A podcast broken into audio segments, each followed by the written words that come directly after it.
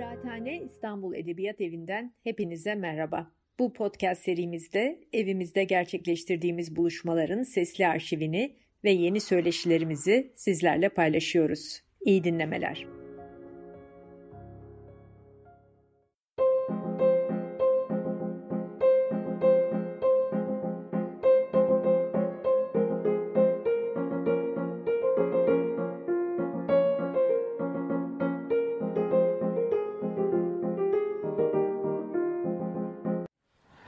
Efendim merhaba, Mesut Yan ben. Ee, Kıraathane'nin düzenlediği e, Ne Mutlu Eşitim diyene konferanslar e, dizisinin e, bu bölümünde ben de Türk milliyetçiliği ve Kürt meselesi üzerine konuşacağım. Kısaca bir izah edeyim ne hakkında konuşacağımı, hangi sınırlar çerçevesinde konuşacağımı. Daha ziyade derdim şu, Türk milliyetçiliği, Kürt meselesini nasıl anladı, Kürtleri e, Türk milleti söz konusu olduğunda nereye yerleştirdi, Türk milletinden e, gördü mü, görmedi mi ya da kimleri Türk milletinden gördü, kimleri görmedi, bu minvalde e, Kürtleri Türk milleti içerisinde saydı mı, saymadı mı? E, bu işler üzerine konuşacağım esas olarak. E, Türk milliyetçiliğinin de şöyle böyle 100 sene yaşayan bir tarihi olduğu için daha tarihsel bir perspektiften e, konuşacağım. Bu da şu demek, ee, Türk milliyetçiliği farklı dönemlerde e, Kürtleri, Kürt meselesini nasıl gördü, Türk milleti dairesinin içerisinde yerleştirdim, yerleştirmedi mi, bunda bir değişiklik oldu mu? Biraz bunlar üzerine e, konuşacağım. E, ama izninizle bir önce daha içeriye ve kullanacağım bir iki kavrama dair bir iki kısa e, açıklama yapayım. Şimdi öncelikle e, Türk milliyetçiliğinin e, bütünü hakkında tabii ki konuşmayacağım. Ee, bir özel biçimi, bir tekil e, çeşidi hakkında e, konuşacağım. Ee, buna ana akım milliyetçilik diyebiliriz ama daha ziyade e, Türkiye Devleti tarafından inşa edilen, formüle edilen, peşine düşülen, propaganda edilen kısmıyla Türk milliyetçiliği hakkında konuşacağım. Ana akım milliyetçilik derken daha ziyade bunu kastediyorum. Ama ve lakin bu ana akım milliyetçilik denen şey işte devlet tarafından inşa ve propaganda edildiği için e, kurumların, e, vatandaşların e, büyük kısmının da peşinde olduğu bir çeşit olduğu için de aslında biraz Türkiye devleti ve Türk milleti diyeyim ki milleti nasıl gördü, Kürt Kürtleri milletin içerisinde gördü mü görmedi mi e, bunlar üzerine konuşmuş olacağım. Dolayısıyla Türk milliyetçiliğin bir özel bir tekil versiyonu hakkında, e, ana akım milliyetçilik hakkında e, konuşacağım. Demin söylediğim üzere hem devlet hem de yurttaşlar tarafından benimsenmiş olduğu için aslında konuştuğum mevzu, konuşacağım mevzu bizzat devlet ve millet aslında hem milleti nasıl gördü yani Türk milleti denen o topluluğun sınırlarını nasıl tanımladı hem de e, Kürtleri bu sınırların içerisine koydu mu, koyduysa e, bu sınırların neresine yerleştirdi bunlar hakkında konuşmuş olacağım. Yani devlet ve millet aslında Kürtleri, Kürt meselesini nereye yerleştirdi, nereye koydu, nasıl gördü bunlar hakkında konuşmuş olacağım. E, bir küçük not daha belki düşeyim. E, şimdi millet olmak e, bir tekil bizlik formu aslında. Biz olmaklıkla ilgili bir şey. O biz olmayı tanımlamanın bir özel biçimi son 200 sene içerisinde e, daha cari olmuş bir biçimi. Dolayısıyla bir bizlik formu. Bu da şu demek. Yani devlet e, ve millet e, işte Türk milletinin sınırlarını nasıl gördü hakkında konuşurken aslında devlet ve millet bizi nasıl gördü? E, bizim sınırlarını, bizliğin sınırlarını, biz olmaklığın sınırlarını nasıl tanımladı? Bunlar hakkında yine konuşmuş olacağım. O itibarla da hani Kürtler o bizim içerisinde görüldü mü devlet ve millet ya da yurttaşların büyük bir kısmı tarafından e, bunlar üzerine e, konuşmuş olacağım. Şimdi izninizle yavaş yavaş mevzuya gireyim. Şöyle bir yerden mevzuya girmeyi tercih edeceğim. Önce bir ee, yani bu konuşmalar serisinin daha önceki kısımlarında eminim e, başka konuşmacılar değinmişlerdir. Hani millet nedir vesaire bunun üzerine epey bir e, tartışma var. Ben onlara çok girmeyeceğim ama şunu belirtmeden de geçmeyeyim. Demin söylediğim üzere millet bir özel e, bir bizlik hali e, ve e, tarih boyunca olmuş olan bizlik hallerinin de işte bugünlerdeki en bilineni, en popüleri ama tek bizlik, tek mümkün bizlik hali değil. İşte malum insanlar daha önce e, ne bileyim şehirler halinde, imparatorluklar halinde, ümmetler halinde, köyler halinde vesaire e, bizlikler oluşturdular. Halen de bu, bu biçimlerin bir kısmı bizimle birlikte yaşamaya e, devam ediyor. Millet bu bizlik formlarının bir tanesi. Nedir peki bu e, bizlik formunu e, diğerlerinden ayıran? Yine böyle literatüre çok e, hani e, dalmadan kısaca e, cevaplayacak olursam, millet dediğimiz bizlik hali e, birkaç temel ölçüt, birkaç temel ortaklaşma üzerinden aslında e, tanımlanıyor. E, yani devletler, milliyetçilikler, e, millet ve milliyetçilik üzerine çalışanlar, yazıp çizenler, ne türden ortaklaşmalarla millet olunur e, hakkında çok farklı, birbirine uyuşmaz fikirlere sahipler. Bu e, bu işler üzerine çalışan hemen herkesin çok yakinen bildiği e, bir şey. Ama ve lakin yine kabaca e, şunlar herhalde söylemek mümkün. E, millet dediğimiz bizlik hali genellikle şu türden ortaklaşmalar üzerinden anlaşılır. Ya da şu türden ortaklaşmalar olduğunda milletten söz edilir. İşte bir tanesi diyelim ki bir tabiyet üzerinden, yurttaşlık üzerinden, bir devlete tabi olmaklık üzerinden mesela. Böyle bir ortaklaşma söz konusuysa bir milletten e, söz edilir. Yani vatandaşlardan oluşan bir bizlik hali olarak milletten mesela söz edilebilir. Ya da vatandaşlık bir grubu, bir büyükçe bir insan toplumunu bir araya getirdiğinde işte orada oluşan o bizlik haline millet diyebiliyoruz ya da birileri millet diyor. Ee, bir başka ölçüt, bir başka ortaklaşma e, ölçütü işte bu soy sop meseleleri. Bugünlerde daha popüler terim bunu karşılamak için etniklik ya da etnisite. Ama etnisite ya da etniklik kültür kavramıyla sık sık iç içe girdiği için belki soy sop demeyi e, tercih etmek daha doğru e, olacak. Yani aynı soyu paylaştığı farz edilenler ya da aynı soyu paylaştığını farz edenler. Bu türden bir e, diyelim ki toplulukta bazılarınca millet sayılıyor. Hatta aslında daha popüler olan belki bu fikir. Bir de yine kabaca konuşmak gerekirse bir dil, bir kültür etrafında bir araya gelmişler de milletten sayılabiliyor. Yani kültür üzerinden ortaklaşma, tabiyet üzerinden ortaklaşma ve dediğim gibi soy sop ya da etnisite üzerinden ortaklaşma hani millet hakkında konuşulurken genellikle bakılan şeyler ya da işte bu türden ortaklaşmalar olduğunda milletten söz ediyoruz denilir genellikle. Ama velakin şunu biliyoruz.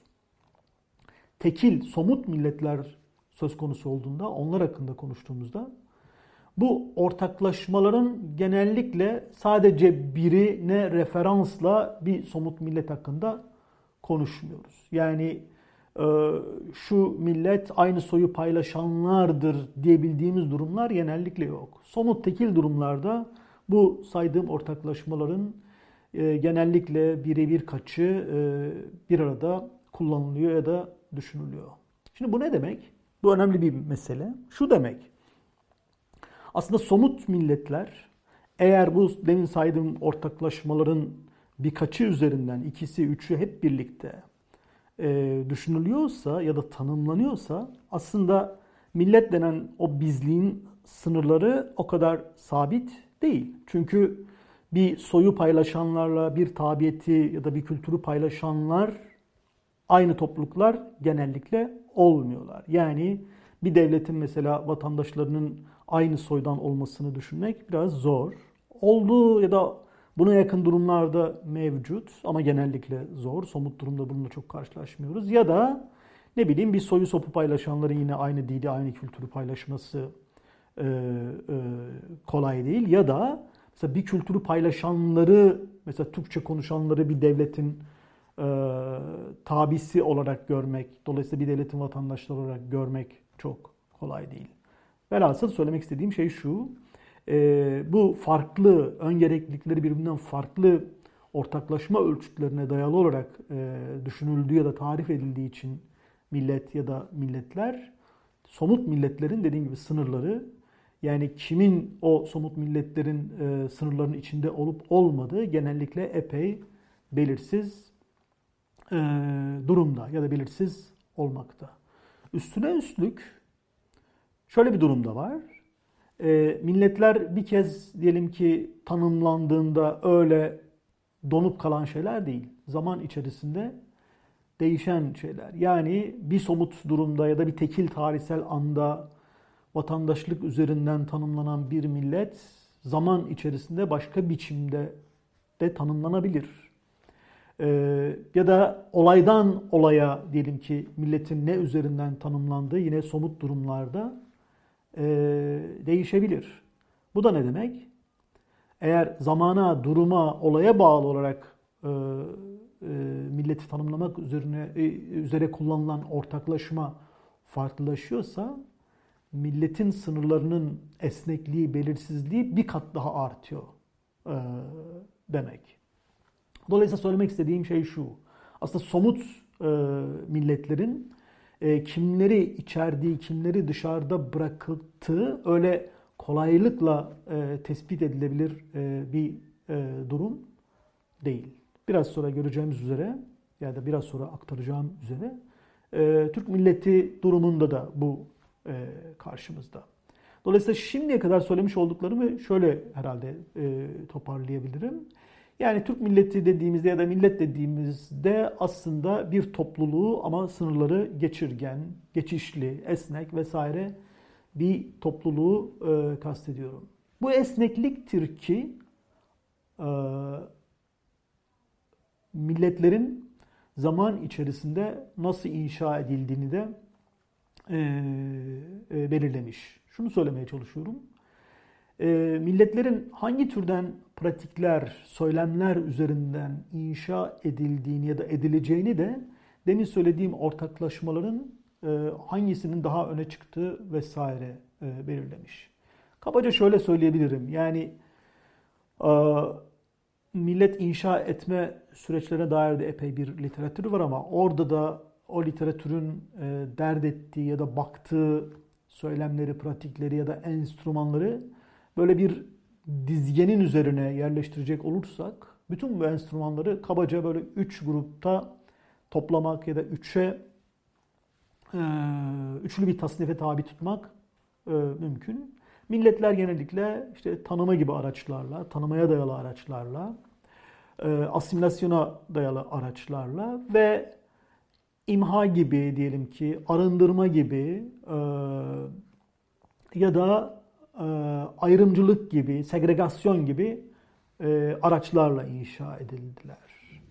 Dolayısıyla milleti tarif ederken kullanılan ortaklaşma ölçütü bu araçlardan hangilerinin daha yoğun biçimde kullanılacağını da belirledi. Yine e, çok hani kaba bir genelleme ya da böyle ideal tipler üzerinden konuşacak olursak herhalde şunu söylemek mümkün. Milletler e, vatandaşlık ölçütü üzerinden tanımlandıklarında genellikle millet inşa etme işi tanıma üzerinden gerçekleşti. Ee, milletler daha ortak kültür üzerinden tanımlandığında millet inşa etme işi genellikle asimilasyon üzerinden gerçekleşti. Ve milletler soy sop üzerinden tanımlandığında da millet inşa etme işi demin saydığım bu işte imha gibi, arındırma gibi ya da e, segregasyon, ayrımcılık gibi araçlar üzerinden e, gerçekleşti. Şimdi dolayısıyla elimizde milletin nasıl tanımlandığına, nasıl inşa edildiğine dair böyle biraz e, sade olmayan bir resim var. Şimdi bu sade olmayan resmi şunun için aktardım. E, Türk milliyetçiliğince anlaşıldığı biçimiyle Türk milleti de böyle sade olmayan bir e, toplumsal kategori oldu ya da sınırları belirsiz oldu. Yine e, Türk milliyetçiliğinin böyle başat savunucusu olduğu Türk milletini inşa etme işi hiç de sade olmayan bir süreç olarak gerçekleşti. Şunu demek istiyorum. E, Türk milleti milliyetçilikçe tarif edilirken zaman zaman vatandaşlık üzerinden, zaman zaman Türkçe üzerinden ve zaman zaman da baya basbaya soy sop üzerinden tanımlandı ve Türk milleti inşa edilirken de tanımadan asimilasyona, asimilasyondan imhaya vesaire bütün bu araçlar hepsi kullanıldı. Şimdi e, artık hani Türk milliyetçiliği, Türk milletini nasıl gördüğü somut olarak buna geçebilirim. Ama şunu söyleyerek izninizle bu geçişi yapayım. E, demin söyle bahsettiğim sade resim sadece Türkiye, Türk milliyetçiliği, Türk milleti söz konusu olduğunda geçerli değil. Dünyada milletlerin birçoğu demin söylediğim e, tarzda inşa edildi. Dolayısıyla milletler yine demin söylediğim e, karmaşıklıkta genellikle anlaşıldı. Bu şu demek değil tabii ki. Bazı yerlerde işte bazı araçlar, yine bazı yerlerde bazı başka ortaklaşma kategorileri öne çıkmadı demek değil. Ama e, genellikle milletler demin söylediğim üzere hiç sade olmayan biçimlerde tarif edildi ve dolayısıyla e, sınırları e, böyle belirsiz hale e, belirsiz oldu. Şimdi bu izahattan sonra e, Türk milliyetçiliği, Türk milletinden ne anladı ve bu anladığına bağlı olarak da Kürtleri Türk milletinin neresinde gördü, neresine yerleştirdi ona dair bir tarihsel çözümleme sunmaya çalışacağım. Şimdi herkesin malumudur ki e, Türkiye'de yani bugün Türkiye olarak bildiğimiz yerlerde kalabalığı, ahaliyi millet olarak düşünmek, örgütlemek işlerinin e, başlangıç noktası böyle kabaca Tanzimat'ta filan 1876'ya ya da en azından e, birinci meşrutiyete kadar götürülebilir. Yani ilk kez buralarda biz e, dediğim üzere ahaliyi bir toprak parçasında meskun e, olan kalabalığı bir millet olarak düşünmeye başladık. Dolayısıyla aslında ilk konuşmamız gereken e, şey biraz böyle paradoksal bir şey söyleyeyim belki. Türk milliyetçiliği aslında Osmanlı milletini nasıl gördü? Osmanlı milletini Osmanlı milleti olarak kodlayan şey Türk milliyetçiliği miydi sorusu yerinde bir soru. Bu dönemde henüz bir Türk milliyetçiliğinden kamil en azından gelişmiş bir Türk milliyetçiliğinden söz etmek mümkün değil. Ama şunu söyleyebiliriz. Devlet ve o dönemin elitleri ve kısmen de yurttaşlar o dönem milleti e, ya da Osmanlı milleti nasıl gördü? Bu mesela yerinde meşru bir soru ve onunla e, başlamak istiyorum. Burada söylenecek olan şey şu, söyleyebileceğimiz. Demin hani konuştuğum, üzerine konuştuğum ortaklaşmalar ve millet inşa etme araçları üzerinden e, devam edecek olursam söyleyebileceğim şey şu. E, 1876 Anayasası'nda çok net olarak gördüğümüz Osmanlı milleti fikri esas olarak tabiyet üzerinden bir e, e, ortaklaşmaya e, dayanıyordu. Ya da tabiyet üzerinden ortaklaşma Osmanlı milletini tarif ederken esas alınmıştı. Ne demek bu? Şu, Osmanlı Devleti yurttaşları Osmanlı milletinden görüldü ya da Osmanlı Devleti yurttaşı olanlar Osmanlı milletinden sayıldı. Dolayısıyla e, soysop işleri, kültür işleri çok milleti tanımlamanın menzilinde görünmemektedir. En azından ilksel, birincil formel metinler düzeyinde. Yani 1876 Anayasası işte dini ve mezhebi her ne olursa olsun Osmanlı tebası Osmanlı milletindendir mealinde bir şeyler e, söyler. Dolayısıyla 1876 momentinde devletin dediğim üzere e, Osmanlı milletinden anladığı esas olarak tabiyet üzerinden, vatandaşlık üzerinden bir ortaklaşmadır. Demin söylediğim, e, aktardığım hikaye doğruysa buradan çıkarılacak neredeyse otomatik netice şudur tabii ki. Hani ideal tipler üzerinden konuşacak olursak. Osmanlı'da millet e, inşa etme işi Osmanlı milleti cari olduğu sürece tanıma üzerinden gerçekleşti. Kabaca e, bu önermenin e, doğru olduğunu e, kabul etmekte sanırım bir sorun yok. Kabaca çünkü e, hem kullanılan tanıma enstrümanları ne kadar bu tanıma enstrümanlarının geçerliliğine inanıldığı için kullanıldı sorusu iyi bir soru, sormamız gereken bir soru. Ama hem de acaba tanıma enstrümanlarından başka enstrümanlar cari değil miydi bu dönemde? Bu iyi bir soru. İkinci soruyu cevaplayarak başlayayım. Ee, bir kere tanıma enstrümanlarından başka enstrümanlar cariydi. Yani mesela asimilasyon.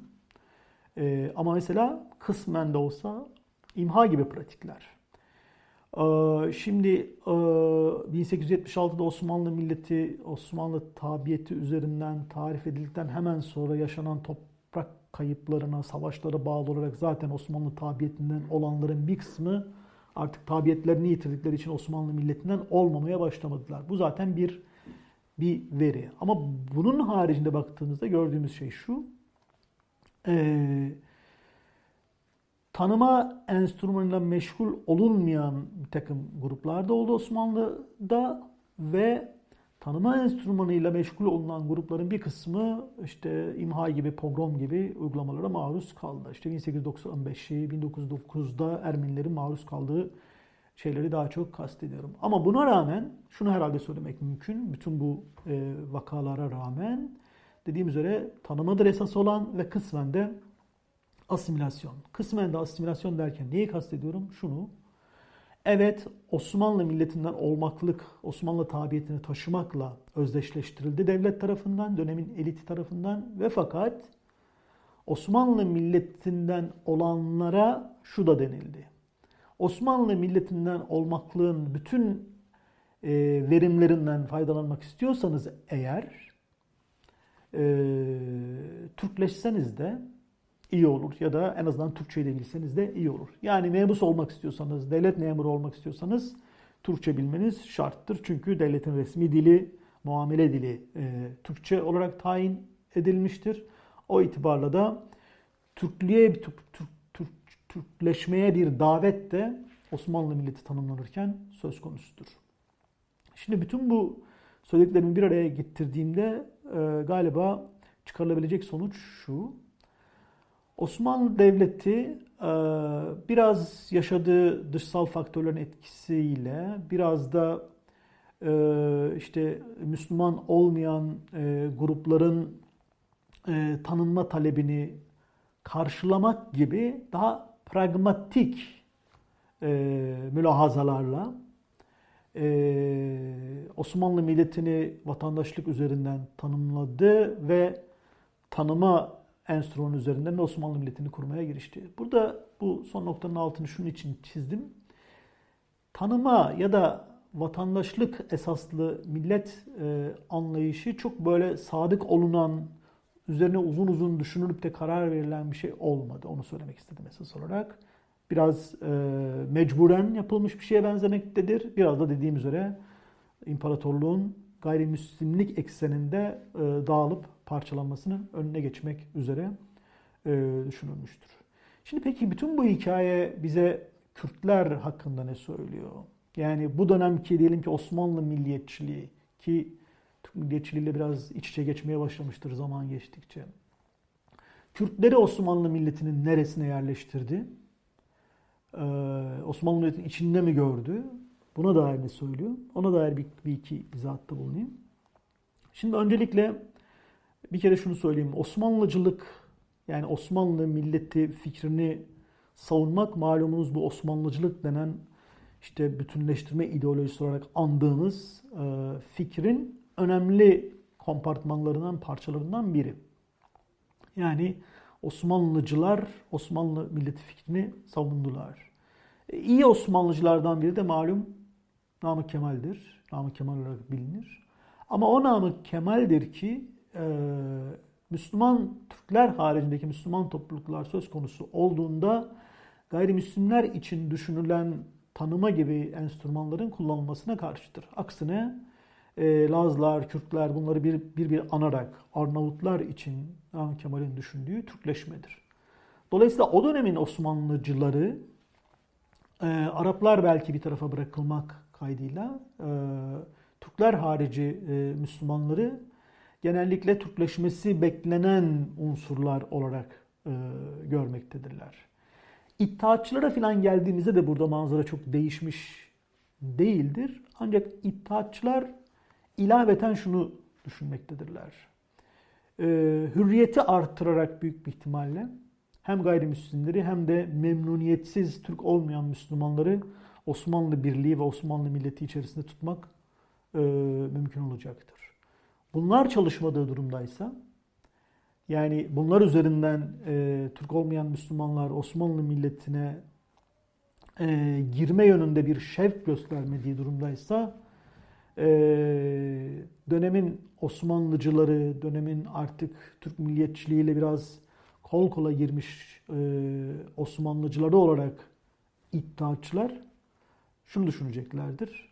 O zaman bizim karşı karşıya olduğumuz esas olarak bir e, böyle bir geri kalmışlık meselesi, bir işte şimdiyle geçmişin çatışmasıdır. Dolayısıyla e, geçmişe ait unsurlar e, izale edilerek, etkisizleştirerek vesaire biz bu işe devam edeceğiz. Yani Osmanlı milletini Kürtleri de dahil etmek için mesela e, kendi geçmişini e, biraz nasıl diyeyim böyle imha tarzı, kendi geçmişine imha tarzı araçlarla muamele eden bir şey olarak artık düşünmeye başladı, başladı iddiaçılar. E, bu Makdisi'nin ve Selim Deringil'in yazılarına filan baktığımızda Arap ve Kürt taşrasına ilişkin olarak Osmanlı e, modernleşmecilerinin, milliyetçilerinin ve Türkçülerin e, bir müddet sonra daha böyle bir kolonyal fikrin etkisine, kolonyalist fikrin etkisine e, girdiklerini e, gözleyebiliriz. Dolayısıyla Osmanlıcılar gayrimüslimleri tanımı üzerinden Osmanlı milleti içerisine dahil etmeye çalışırken e, Türk olmayan Müslimlerden Osmanlı milleti içine girmeye niyeti olmayanlara da işte bu türden kapılar e, açıyorlardı. Yani daha böyle bir kolonyal pratiklere dayanan e, kapılar. O itibarla Osmanlı milleti fikri vatandaşlık üzerinden tarif edilirken e, dediğim gibi esas mülahaza gayrimüslimleri içeride tutmaktır. O itibarla da e, bu tabiyet fikrinin e, biraz böyle e, denk düşeni olarak tanıma enstrümanı esas olarak gayrimüslimlerle ilgili olarak düşünülmüştür. Müslimlerle ilgili değil. Şimdi dolayısıyla millet fikrinin ilk döneminde karşı karşıya olduğumuz millet kavrayışı bu. E, bu da bize şunu gösteriyor. Osmanlı milleti dediğim üzere hem tabiyet hem de kültür üzerinden tanımlanan bir şey ve böyle tanımlanmasının ardında da bir maddi tarih var. Biraz önce kısmını özetlemeye çalıştım. Şimdi bu maddi tarih bir başka biçimde seyretmeye başladığı için bir süre sonra bir başka e, millet fikriyle karşı karşıya kalacağız. Ya da e, bir bu sözünü ettiğim maddi tarih bir başka biçimde akmaya başladığı için Türk milliyetçiliği milletten artık bir başka bir şeyi anlayacaktır bir zaman sonra. Ne zaman sonra? Hangi zamanda bu değişti, gerçekleşti? Bunlar iyi sorulardır. Öyle aman aman net bir cevap vermek de çok kolay değildir. Ama illa formel bir mesela e, an tespit etmek gerekirse 1919 dönebilir. Ama biliriz ki mesela 1909'da aslında Osmanlı milleti fikrinin aşağı yukarı çalışmadığı belli oldu. 1913'te bu iyice belirginleşti. İşte 15'teki büyük felakette falan zaten bu ikrar edildi. Ancak formel e, ölüm ilanı Birinci Dünya Savaşı'nın sonrasında e, e, gerçekleşti. Osmanlıcılığın ve Osmanlı milleti fikrinin. Dolayısıyla 1918'den sonra e, devleti yönetenler artık bir yeni e, millet e, fikrini e, formüle etmişlerdir ya da etmek üzeredirler aşağı yukarı. E, 1919'da yani bütün bu 1877'den 18'e yaşanan tarihi e, göz önünde bulunduracak olursak 1919'a dönemin devlet elitleri, Türk milliyetçileri şöyle bir e, ruh haliyle e, gireceklerdir.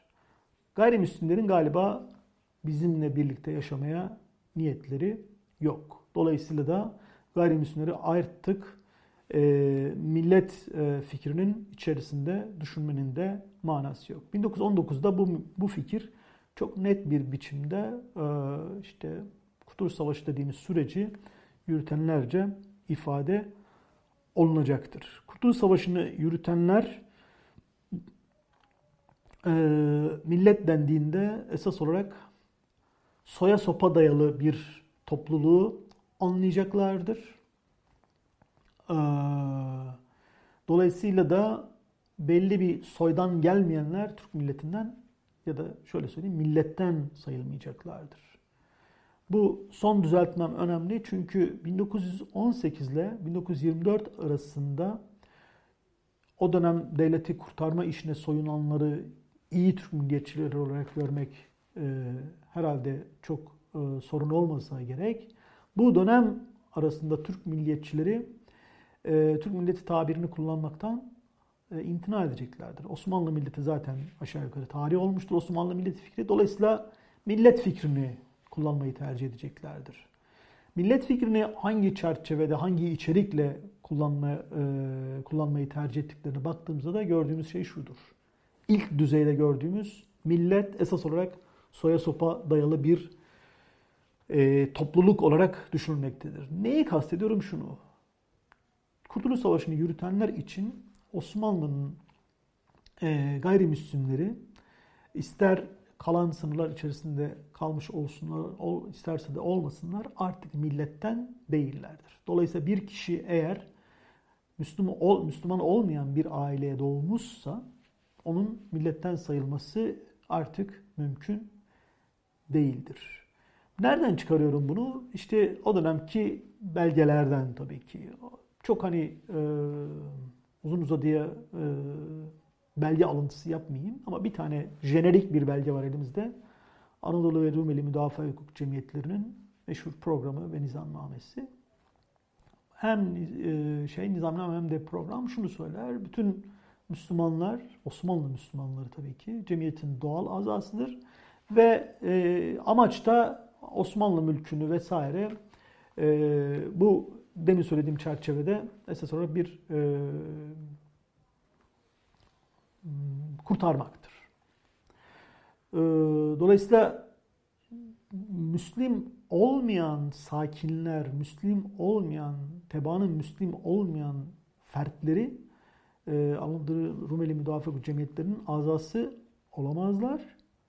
Dahası e, bir süre sonra Millet Meclisince yürütülecek e, süreçte gerçekleşen seçimlerde oy da kullanamazlar, e, temsilci de olamazlar mecliste. Dolayısıyla Türk milletinin kapıları, e, pardon millet denen yani millet kavramıyla karşılanan milletin kapıları e, gayrimüslimlere e, kapanmıştır.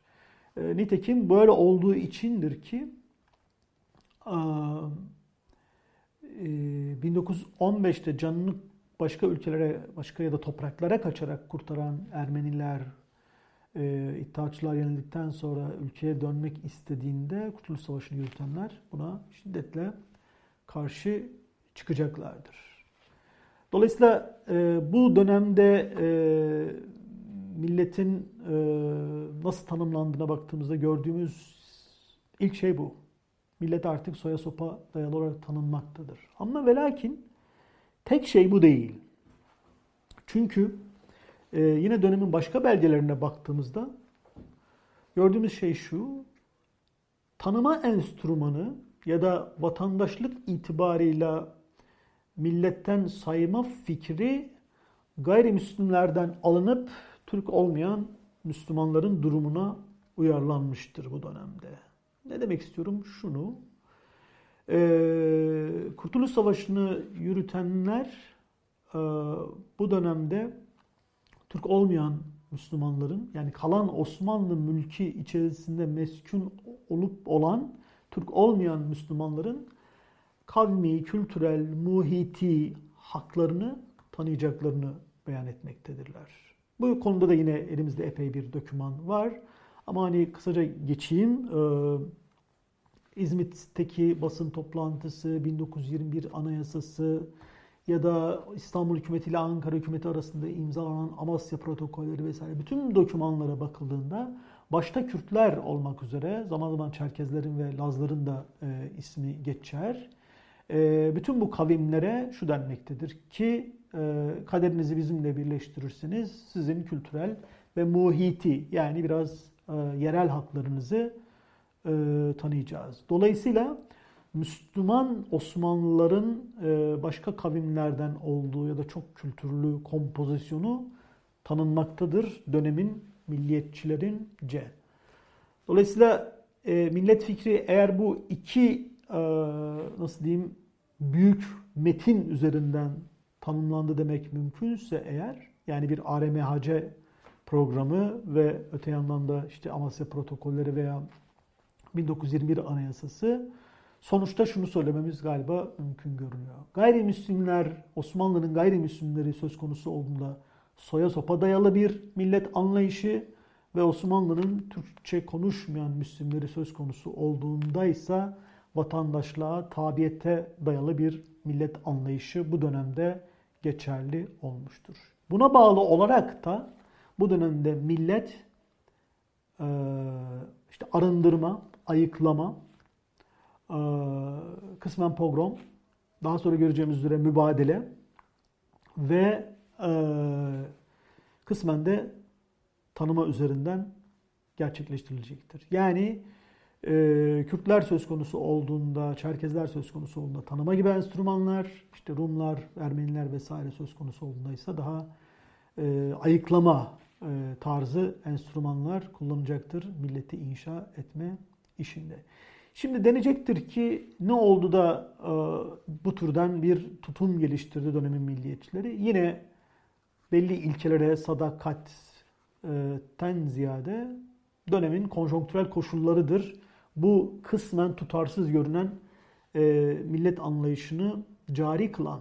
Yani Kürtlere ve Çerkezlere söylenen şeyler e, işte böyle çok kültürlü tanımaya dayalı bir millet anlayışı fikrine e, nasıl diyeyim e, sadık olunduğu için değil ve fakat Kurtuluş Savaşı yürütülürken onların enerjisine ihtiyaç duyulduğu için olmuştur. Ve gayrimüslimlere yönelik dışlayıcı tutumda artık gayrimüslimlerin e, işte milli birlik içerisinde 1877 ile 1918 arasında olanlardan ötürü olamayacakları fikrine kani olunduğu için olmuştur. Dolayısıyla daha pratik esas olarak bu dönemki millet anlayışını da belirlemiş gibi görünmektedir. Şimdi buradan bir başka döneme artık e, sıçrayabilirim. Üçüncü dönem hakkında konuşmaya başlayabilirim.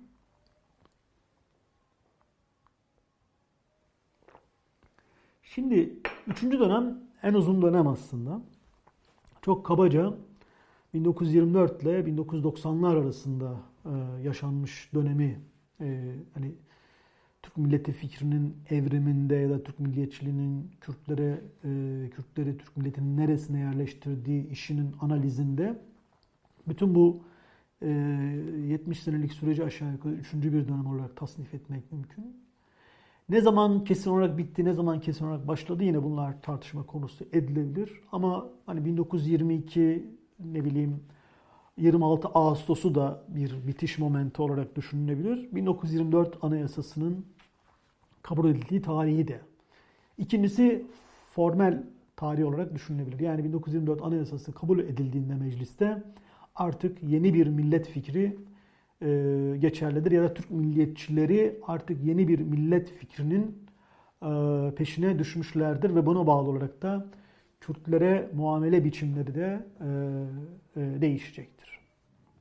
Nedir 1924 Anayasası'yla değişen ya da 1922'den 24'e kadar değişen şey şu. Bir kere bağlam olarak konuşacak olursak malum e, Kurtuluş Savaşı becerilmiştir. Dolayısıyla kendine güvenen bir artık devlet, hükümet neyse Türk milliyetçiliği söz konusudur. e, yani Kürtlerin, Çerkezlerin sağladığı o e, enerji artık o kadar stratejik önemde en azından görülmemektedir belli ki. Çünkü Yunanistan ordusu yenilmiştir. Lozan'da işte büyük güçlerle bir anlaşmaya varılmıştır ve mübadele gerçekleştirilmiştir. Yani Türkiye'de gayrimüslim nüfus işte bir dönem yüzde 40'lardayken yüzde 25'e 1923 ile beraber de malum işte yüzde 3'ler civarına falan çekilmiştir. Dolayısıyla Müslümanlardan mürekkep bir artık ahali söz konusudur. Bu e, pratik durumun sonucunda da 1924'teki millet fikri e, benimsenmeye başlayacaktır. Nedir 1924'teki millet fikrinin e, ayırt edici özellikleri?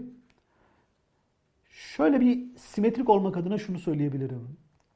1876 Anayasası'nın önerdiği millet fikri esas olarak tabiyet eksenli ve kısmen de Türklük eksenli bir ortaklaşmaya dayanıyorduysa, 1918 e, ile 22 arasındaki millet fikri esas olarak Müslümanlık, Osmanlı e, Müslümanlığı ve e, tabiyet eksenli bir ortaklaşmaya dayanıyorduysa 1924'te devreye alınan millet fikri hem tabiyeti hem kültürü ve hem de soyu sopu esas almaktadır. Durumuna ve duruma ve zamana göre e, Türk milletinden anlaşılan şey vatandaşlar birliği, Türkçe konuşanlar birliği ya da Türk soyundan gelenler birliği olarak anlaşılacaktır. Burada Türk soyu dediğimizde daha çok Müslüman soyundan gelenler e, birliğini kastediyoruz. Dolayısıyla 1924 Anayasası aslında daha deyim yerindeyse daha kaleidoskopik yani farklı veçeleri daha fazla olan bir millet anlayışının e, anlayışına ev sahipliği edecektir 1924 Anayasası ya da 1924'ten sonra Türk milliyetçileri daha kaleidoskopik bir millet anlayışına sahip olacaklardır. Kısaca izah edeyim ne demek istediğimi. Şimdi 1924 Anayasası'nda iki tane önemli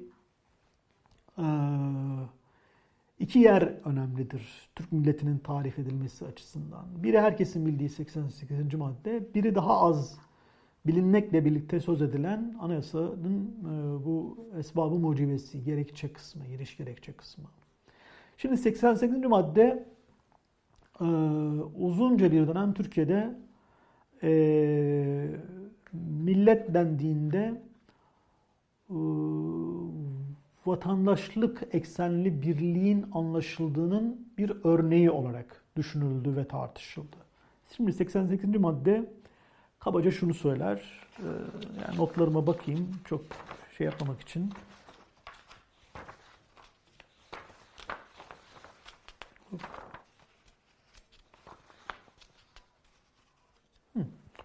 Türkiye ahalisine din ve ırk farkı olmaksızın vatandaşlık itibariyle Türk denilir, Türk ıtlak olunur. Şimdi dediğim üzere burada vatandaşlık itibariyle geçtiği için e, birçok yorumcu e, işte burada millet fikrinin e, vatandaşlık üzerinden tanımlandığını düşündü. Oysa hani son dönem literatürü gösterdi ki burada aslında tam tersi bir durum söz konusu. Tam da milletin vatandaşlık itibarıyla tanımlanamayacağı anlatılmaktadır bu ifadeyle. İzah etmeye çalışayım. Şimdi e, Türkiye ahalisinde din ve ırk farkı olmaksızın Türk ıtlak olunur denseydi 1876 Anayasası'nda gördüğümüz şey aynen burada da tekrar edilmiş olacaktı. Osmanlı ve Türk ibareleri değiştirilmiş olarak. Ama olan böyle değil. Türkiye ahalisinde din ve ırk farkı olmaksızın vatandaşlık itibarıyla Türk ıtlak olunur denmektedir. Nitekim e, bu madde Anayasa Komisyonu'ndan meclise geldiğinde tam da demin söylediğim gibi formüle edilmiştir. Yani Türkiye ahalisinde din ve ırk farkı olmaksızın Türk ıtlak olunur.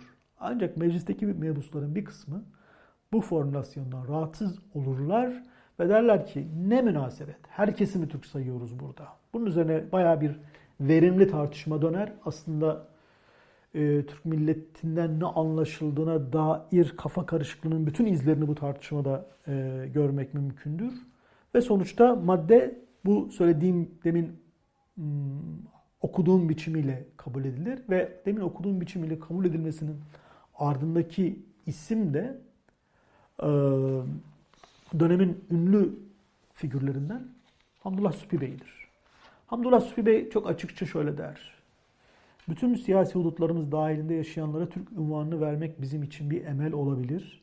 Fakat görüyorsunuz ki çok müşkül bir mücadelenin içinden çıktık ve hiçbirimiz kalbimizde mücadelenin tamam olduğunu dair bir şey taşı taşımıyoruz. Diyoruz ki devletin, Türkiye Cumhuriyeti'nin tebaası tamamıyla Türktür. Bir taraftan da hükümet mücadele ediyor. Ecnebiler tarafından tesis edilmiş olan kurumlarda çalışan Rumu Ermeni'yi çıkarmaya çalışıyor. Biz bunları Rum'dur, Ermenidir diye çıkarmak istediğimiz vakit bize hayır, meclisinizden çıkan kanun mucibince bunlar Türk der, Türktür derlerse ne cevap vereceksiniz?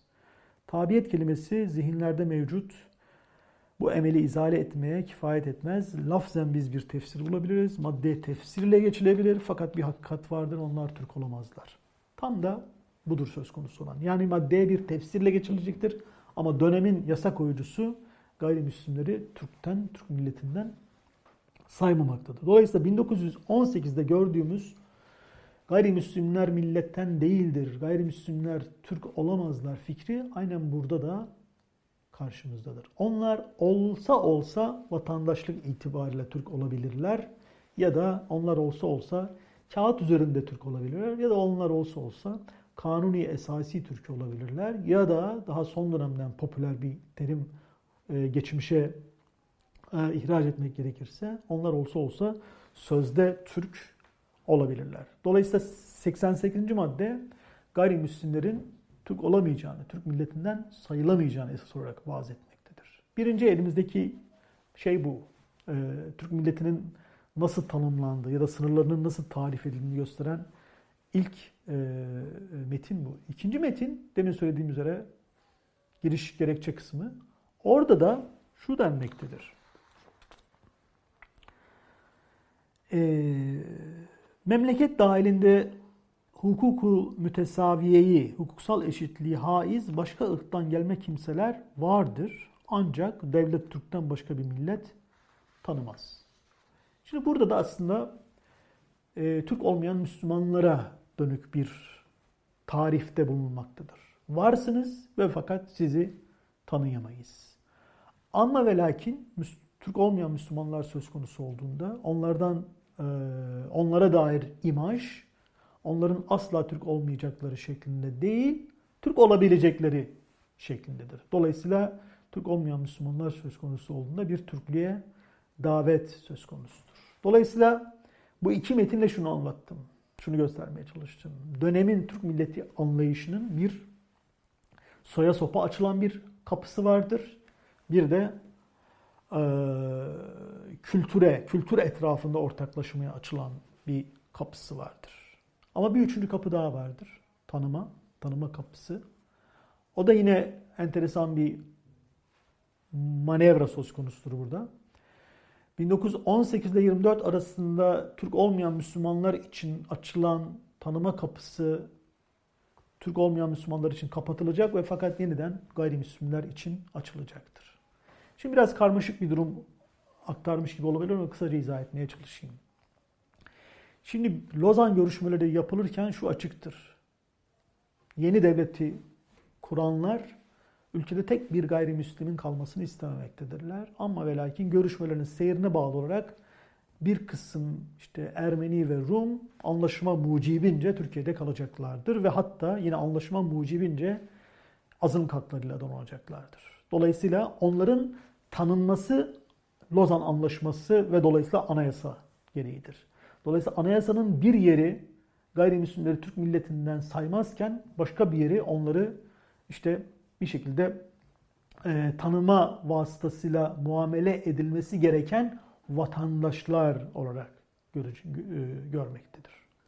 Dolayısıyla bu üçüncü kapı dediğim üzere e, Türk olmayan Müslümanlara kapatılmış olan e, tanıma kapısıdır.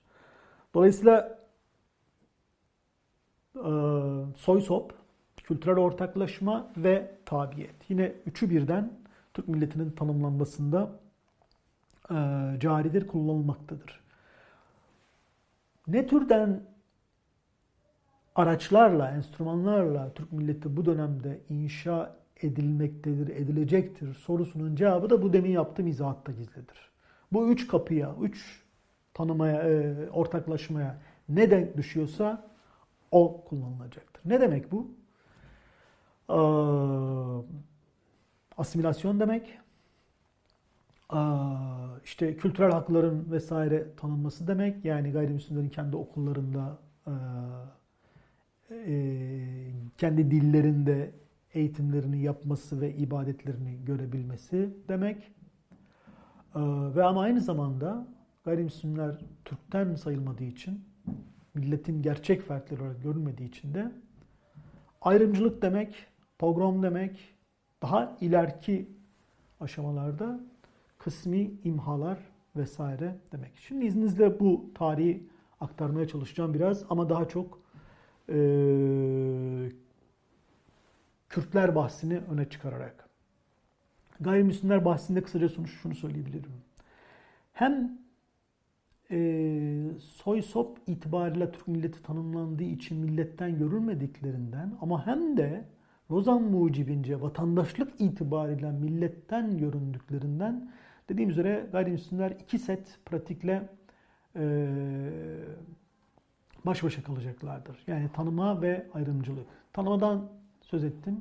Ne türden ayrımcılık pratiklerine maruz kaldıklarına gelince bu konuda devasa bir literatür var. Ama hani çok kısaca e, bir iki örnek vermem gerekirse. İşte e, mesela devlet memuriyetine kabul edilmeyeceklerdir. Kabul edildikleri yerlerde üst pozisyonlara gelemeyeceklerdir. İşte varlık vergisine maruz kalacaklardır. Trakya pogromu yaşanacaktır. 55 yaşanacaktır vesaire. Bazı meslekleri ifa edemeyeceklerdir. Bunlar. Dolayısıyla masif ayrımcılık pratikleri. Biraz aslında şu denebilir. Tanımak zorunda kaldık ya sizi. Buyurun maliyeti bu sizin için. Yani bu ülkede kalmış olmanızın ya da kalmış olmanıza mecbur edilmemizin bedelini böyle ödeyeceksinizdir. Aşağı yukarı bu denilmektedir gayrimüslimlere. Bu bahsi dolayısıyla böyle kapatayım. Geleyim. Aa, e, Kürtler bu dönemde ne, neye maruz kaldı ya da Kürtler söz konusu olduğunda ne, türden millet inşa etme pratikleri devrede oldu demin söylediğim e, millet fikrinin demin söylediğim biçimde tarif edilmiş olmasına bağlı olarak. Dediğim üzere esas olarak Kürtlere açılan asimilasyon kapısı oldu. Yani buyurun Türkleşin dendi. Ama Kürtlerin buna çok yakın durmadığı anlaşıldığı her momentte de e, gayrimüslimler geçmişte ve da işte bu dönemde neye maruz kaldıysa çok benzerlerini de Kürtler maruz kaldı. Şöyle izah edeyim. Bir saate yaklaştım galiba. Dolayısıyla biraz özetleyerek gideyim. Şimdi 1925'te yani 24 Anayasası kabul edildikten sadece bir yıl sonra kopan e, büyük ayaklanma şunu gösterdi ki e, Kürtler e, milletin bu yeni tarif edilme biçiminden öyle aman aman memnun değiller. Hatta kuvvetli bir itirazları var. Şimdi bu itiraz bir kere idrak edildikten sonra hükümetin yaptığı, dönemin devletinin, dolayısıyla aslında Türk milliyetçilerinin yaptığı şey şu oldu. İtirazın kuvvetli biçimlerini işte imha gibi enstrümanlarla, e, sürekli olağanüstü hal gibi enstrümanlarla, umumi müfettişlik gibi enstrümanlarla bastırmak, diğer kısmını da daha asimilasyon aracıyla inceltmek, zayıflatmak. Bu iki set, e, iki grup enstrümanın bir arada kullanılacağının müjdesini veren en önemli metin 1925'te e, kaleme alınan meşhur şark ıslahat planıdır. Şark ıslahat e, raporudur. Şimdi uzun uzun alıntı yapmayayım ama şark ıslahat raporuna bakarsanız ee, dönemin Türk milliyetçiliği Kürtleri, Kürt meselesini nasıl görmektedir? Türklük dairesinin ya da Türk milletinin neresine yerleştirmektedir? Onu görmek e, rahatlıkla mümkün. Evvela Türk milletinin içinde görülmektedir Kürtler. Yani potansiyel, müstakbel Türklerden görülmektedirler ve onlara envai çeşit e, işte e, envai çeşit enstrümanla Türkleştirilmeye çalışılacaktır. Çok hani detaylarına girmeyeyim ama e, ne bileyim Kürt şehirlerindeki Kürt nüfus yoğunluğu azaltılarak iskan vasıtasıyla Türk nüfus çoğaltılarak yine iskan vasıtasıyla ee, özellikle kız çocuklarının gönderileceği yatılı mektepler açılarak e, bölgede yerleşik memurların Türk olmasına dikkat ederek ve o memurların bölgedeki Kürt kızlarıyla evlenmesini teşvik ederek bu böyle ila nihaya uzatılabilir. Onlarca, yüzlerce enstrümandan yani yüzlerce belki biraz abartılı oldu ama onlarca enstrümandan söz edilmektedir ve şunu söyleyeyim. Bu enstrümanlar aşağı yukarı 90 sene boyunca Türk Devleti'nin orada ya da burada, Türk milliyetçinin orada ya da burada kullandığı enstrümanlar ola gelmiştir. Dolayısıyla çok kabaca okul üzerinden, yol üzerinden, nüfus mühendisliği üzerinden vesaire ya da e, Kürt şehirlerinde iş imkanı yaratmayıp batıda iş imkanı yaratarak vesaire e, bir Türkleştirme kampanyası e, yürütülecektir. Ama bütün bu kampanyanın bu hevesle, bu enerjiyle yürütülmesi bize şunu göstermektedir. Dediğim üzere Kürtler Türk milliyetçiliğinde esas olarak Türk milleti sınırları içerisinde, onun merkezinde olmasa da içerisinde görülmektedir. Yani sözde Türkler değil ama müstakbel Türklerdir. Kürtler dönemin Türk milliyetçiliği nazarında. Ama ve lakin bu dediğim ana resmi, ana patikayı bozan anlar, dönemler ve vakalar vardır. Mesela Dersim e, bir bu meyanda bir vakaya da dönemdir. Ağır ayaklanması yine şey Said ayaklanmasının bazı momentleri bu e, anlardan sayılabilir. Neyi kastediyorum şunu? E, mesela Peçar hareketi denen bir meşhur hareket vardır. Bu yine meşhur Genelkurmay belgelerindeki ayaklanmalarda sözü edilen. Oradan biz anlarız ki 25'ten sonra aslında isyan bastırılmış olmakla birlikte isyana karışmış olanlar takip edilmeye devam edilir ve karışmış olduğuna hükmedilenler yakalandıkları yerde bulundukları başka kimselerle birlikte toptan imha edilirler. Bulundukları evler yakılır, hayvanlar müsaade edilir, e, ekinler müsaade edilir vesaire. Dolayısıyla biraz e, işte imha gibi, pogrom gibi e, araçlar böyle dönemlerde karşımıza çıkmaktadır. Dersinde falan bunu zaten çok konuşuldu. Daha kesif örneklerini e, görmek mümkündür. Hakeza e, Zilan katliamı esnasında da. Dolayısıyla söylemek istediğim şey şu. E, 1924 ile aşağı yukarı 1990 arasında Türk milliyetçiliği nazarında, aslında devlet ve millet nazarında Türkler Türkleşmesi öngörülenler, beklenenlerdendiler ya da Türk milletinden e, olmanın potansiyelini taşıyan Türkiye Cumhuriyeti yurttaşlarıydılar. Ama buna dair inancın sarsıldığı zamanlarda da imha edilmesi gerekenlerden, sürekli olağanüstü halle yönetilmesi gerekenlerden ya da sürekli e, nasıl diyeyim bir e, gözetlenmesi gerekenlerden oldular. Biraz güvenilmez vatandaşlardan oldular. 90'lara kadar bu manzara aşağı yukarı dediğim biçimiyle e, ya da bir sarkaç halinde e, devam edecektir. Bu sarkaç 90'lardan sonra çok daha kuvvetli bir biçimde karşımızda olacaktır. Ama sarkacın hareket noktası bir mevzi daha edinecektir. Ne demek istediğimi anlatayım. Şimdi artık dolayısıyla Türk milliyetçiliğinin dördüncü dönem hakkında konuşmaya e, başlamış oluyorum. Şimdi yine e, halen devam etmekte olan bir dönemden öncelikle söz ettiğimi belirteyim. Ama dolayısıyla bir bitiş noktası tayin etmek zorunda değiliz.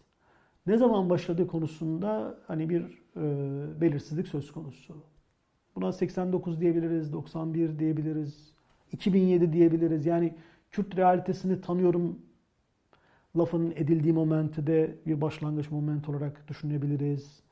2932 sayılı e, Kürtçe konuşulmasını yasaklayan, e, daha doğrusu Türkiye Devleti'nin tanıdığı ülkelerin e, resmi dilleri haricindeki dillerde yayın yapılmasını vesaire yasaklayan yasanın ilgasını bir başlangıç moment olarak kabul edebiliriz. Ya da Erdoğan'ın işte Kürt meselesi benim sorunumdur dediği vesaire anı bir başlangıç moment olarak kabul edebiliriz.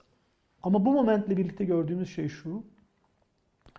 Kürtlerin, Türk milletinin neresinde olduğuna dair sarkaç dediğim gibi yeni bir hareket kazanacaktır. Aa, müstakbel Türkler ve diyelim ki imha edilmesi hmm, nasıl diyeyim meşru ya da ne denebilir? Evet yani olabilir sayılan e, Türklerden ya da vatandaşlardan sarkacı arasında gidip gelen e, ya da bu ikisi arasında gidip gelen sarkaç bu dönemden sonra bir tanıma e, illa e, asimilasyon arasında da salınmaya başlayacaktır. Yani bu dönemle birlikte Türk milletinin sınırlarını bir yeniden düşünelim fikri de yavaş yavaş devreye girmeye başlamıştır. Çok böyle semptomatik e, nasıl diyeyim e, göstergesi bunun aslında Türkiye milleti kavramının devreye girmesi bir yandan yine e, sözde vatandaşlar kavramının devreye girmesi diğer yandan denebilir. Semptomatik gösterge bu dediğim yeni durumun e, e, semptomatik göstergesi e, bu iki ibare e, olarak kabul edilebilir. Yani 1990'la ya da işte 2007'den sonra e, Türk milliyetçiliğinin e, bir kısım savunucusu Türk milletini acaba yeniden düşünsek mi e, e, şeklinde bir eyleme kapıldılar. Ama bu yeniden düşünme e, bir ve aynı şekilde olmadı. Dediğim üzere Türk milletini Türkiye milleti olarak yeniden düşünelim de bir fikir olarak bu dönemde ortaya çıktı. Ama velakin Türkleşmesi beklenenler ya da müstakbel Türklerden sayılan Kürtlerin sözde Türkler olarak e, görülmeye başlanması da yine bu dönemde ortaya e, çıktı. Dolayısıyla 1990'dan sonra Kürtler Türk milliyetçiliği nazarında yine olaya, döneme bağlı olarak asimile olması beklenenler, Türklüğe işte girmesi beklenenler, Türklükten kesin olarak uzaklaşmış olanlar yani e, sözde vatandaşlar ve oldukları haliyle kabul edilebilecekler olarak görülmeye başlandı ki Türkiye milleti fikri daha çok bu son dediğim e, durumu anlatan bir gösterge olarak e, düşünülebilir. Dolayısıyla 90'la birlikte bir işte dördüncü dönem başladı ve bu dördüncü dönemde ortaya çıkan salınma hali belli ki 2015'te bir büyük darbe yedi ya da diyelim ki bu salınma 2015 ile birlikte durdurulmaya çalışıldı. Yani Türkiye milleti fikri artık devleti yönetenler ya da devletin en azından sahip çıktığı biçimiyle Türk milliyetçiliğinin çok görüş alanında değil ve fakat tümüyle uzaklaştığını söylemek de e, mümkün değil. E, bu fikrin taşıyıcısı ya da taşımaya namzet aktörlerinde bir değişiklikten söz edebiliriz. Yani bu aktör zamanında işte AK Parti, liberaller vesaire solken bugün daha kısmen işte CHP, kısmen AK Parti'den kopmuş aktörler ve yine liberaller ve soldur. Dolayısıyla Bugün hani e, tanıma fikri e, ya da Türk milleti e, olarak bizliği tanımayla zenginleştirme eğilimi 2007 ile 2015 arasında olduğu kadar güçlü değil malum ama tümüyle dediğim gibi e, şeyden görüntüden e, çıkarılmış da değil. Şimdi kabaca dört dönemi e, e, izah etmiş olduğumu düşünüyorum. Bir kez daha e, toparlayıp ana sonuçlarımı aktarayım izninizle. E, dediğim üzere hani millet bu vatandaşlık, kültür, soy sop e, ortaklaşması üzerinden e, tanımlana gelen bir şey olmuştur.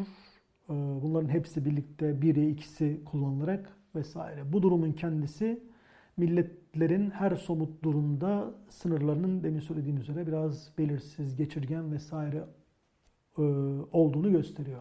Ama bu durumun kendisi aynı zamanda bize şunu da gösteriyor. Millet olarak sayılan, varsayılan, görülen kalabalıklar, ahaliler genellikle kademelenmiş bizlikler halinde tecelli ediyorlar. Yani öyle yeknesak, homojen vesaire bizlikler halinde karşımızda olmuyorlar. Milletler her somut durumda daha fazla milletten olanlar, daha az olanlar ve iyice az olanlar şeklinde böyle e, kademelere sahip olabiliyorlar. Türk milleti de bu dediğim durumun iyi örneklerinden biri olarak karşımızda. Yani 1918'den e, beri, 24'ten beri Türk milleti aslında kademeli bir bizlik e, olarak tecelli etti. Ve belki şunu bile söylemek mümkün. Sadece basit olarak kademeli değil aslında hareketli bir e, nasıl diyeyim kademelenmeye sahip bir bizlik oldu Türk milleti. Ne demek istiyorum? Şunu. Yani evet hani Türk milletinden olanlar, olma ihtimali olanlar ve olma ihtimali çok azalmış ya da hiç kalmayanlar şeklinde kademeler oldu. Belki 80-90 senedir. Ama buraları kimin doldurduğu her zaman e, aynı kalmadı. Yani bir dönem işte müstakbel Türk'ten görünenler bir başka bir dönem sözde Türklerden sayılmaya başlandı ya da sözde Türklerden sayılması beklenen mesela diyelim ki Türkiye'nin Yahudi yurttaşları e, Türklüğün merkezinde bile e, görülebildiler e, zaman zaman. Dolayısıyla bir hareketli kademelendirme mantığı e, geçerli olmuş gibidir. Türk milleti tanımlanırken bu geride kalan 80-90 sene boyunca. Şununla bitireyim bu hareketli kademelendirmeyi bir başka şekilde ifade etmek mümkün aslında. Ee, konuşmanın başlığı da o şekildeydi yanılmıyorsam. Türklük daireleri. Türklük dediğimiz kalabalık, ahali, topluluk her neyse o bizlik dairelerden oluşa gelmiştir. Yani Türklüğün daireleri oluşmuştur ya da bu daireler toplamıdır ki Türk milleti denen şeyi e, mümkün kılmıştır. Ve bu duruma ilk dikkat çeken e, tabii 1913'te Mehmet Fuat Köprülü'dür. Yani Mehmet Fuat Köprülü'den beri Türk milliyetçileri, devleti yöneten elit, Türklüğü aslında e, dediğim gibi e, biraz soğan halkaları gibi belki böyle e, arka arkaya dizilmiş daireler gibi e, düşünmüşlerdir. E, Türkçe konuşmak, konuşanlar ve bir süredir konuşmuş bulunanlar tabii ki dairenin merkezinde. Türkçe konuşmayan Müslümanlar o merkezin hemen çeperinde ve Türkçe konuşsun konuşmasın gayrimüslimler de en dışında görülmüştür. 1913 ee, e, civarında ve takip eden uzunca bir dönem e, boyunca. Şimdi şöyle bitireyim izninizle. Ee, gayrimüslimler sayıca çok azaldıkları için bu Sözde Türkler Dairesi, Kanuni de Esasi Türkleri Dairesi neredeyse artık boşalmış gibidir. Gayrimüslimlerin e, nüfusçu azalmasına bağlı olarak. Ama ve lakin onlardan boşaltılan yere işte başkaları, bir kısım Kürt, bütün Kürtlerde değil, e, Türk milliyetçiliği nazarında yerleşmiş gibidir. Dolayısıyla üç daire halen cari gibidir. Ama daireyi kim, kimlerin doldurduğu, daireleri kimlerin doldurduğu e, değişmiştir. Şununla bitireyim. E, kendim içinde bir hedef. Yani aslında çalışma gündemimle de bir, e, dair bir notla bitirmiş olayım. İkinci dairede kimler vardır bugünlerde? Ee, yeni birileri oralara dahil olabilir mi? Yani Türkleşmesi beklenen müstakbel Türkler. Ee, Kürtlerin boşalttığı yerlerin adayları, yeni adayları var mıdır? Çünkü biliyoruz ki Kürtler haricindeki müstakbel Türklerin önemli bir kısmı zaten Türklük, Türklüğün merkezine doğru ilerlemiştir. Türkleşerek Çerkezler, Lazlar bu türden grupları kastediyorum. Hepsi değil. Halen Türklük e, duygusuna tam olarak sahip olmadığı düşünülen kesimler de vardır bu e, demin sözünü ettiğim gruplar e, arasında Türk milliyetçiliği açısından. Ama büyük oranda bu ikinci daireyi boşaltıp ilk daireye geçmişlerdir bu gruplar. Galiba şunu söyleyebilirim bitirirken. Evet yeni namzetler var gibi. Büyük bir ihtimalle göçmenler. Yani Suriye'den gelenler, Afganistan göçmenleri ya da e, işte Türkiye Cumhuriyetlerden yığınlarla Türkiye'ye e, gelen sayıları herhalde işte birkaç milyonu geçmiş olan göçmenler. Galiba bunlar eğer büyük değişiklikler olmazsa e, günümüzün müstakbel Türkleri olarak görülmektedir Türk milliyetçiliği e, nazarında. Dolayısıyla müstakbel Türkler dairesini dolduranların bir kısmı sözde Türkler dairesine girmişken Türklük dairesinde olmayan birileri ise tabiyet itibarıyla e, ve e, e, kültür itibarıyla Türklük dairesinde olmayan birileri yani e, Suriyeli e, Araplar ve e, işte Kırgızistan'dan, Türkmenistan'dan gelen Türkler vesaire artık müstakbel Türkler dairesini yavaş yavaş doldurmaya başlamışlardır. Bu nasıl gider? Bu işin hani seyri nasıl cereyan eder bilebilecek durumda değilim. Ama bu durumda bize şunu gösteriyor ki e, Türklük, Türk milleti dediğimiz şey halen kademeli bir bizlik, kademelendirilmiş bir bizlik ve üstüne üstlük hareketli olan kademelendirilmiş bir bizlik olarak devam etmektedir. Böyle deyip bitireyim. Teşekkür ederim.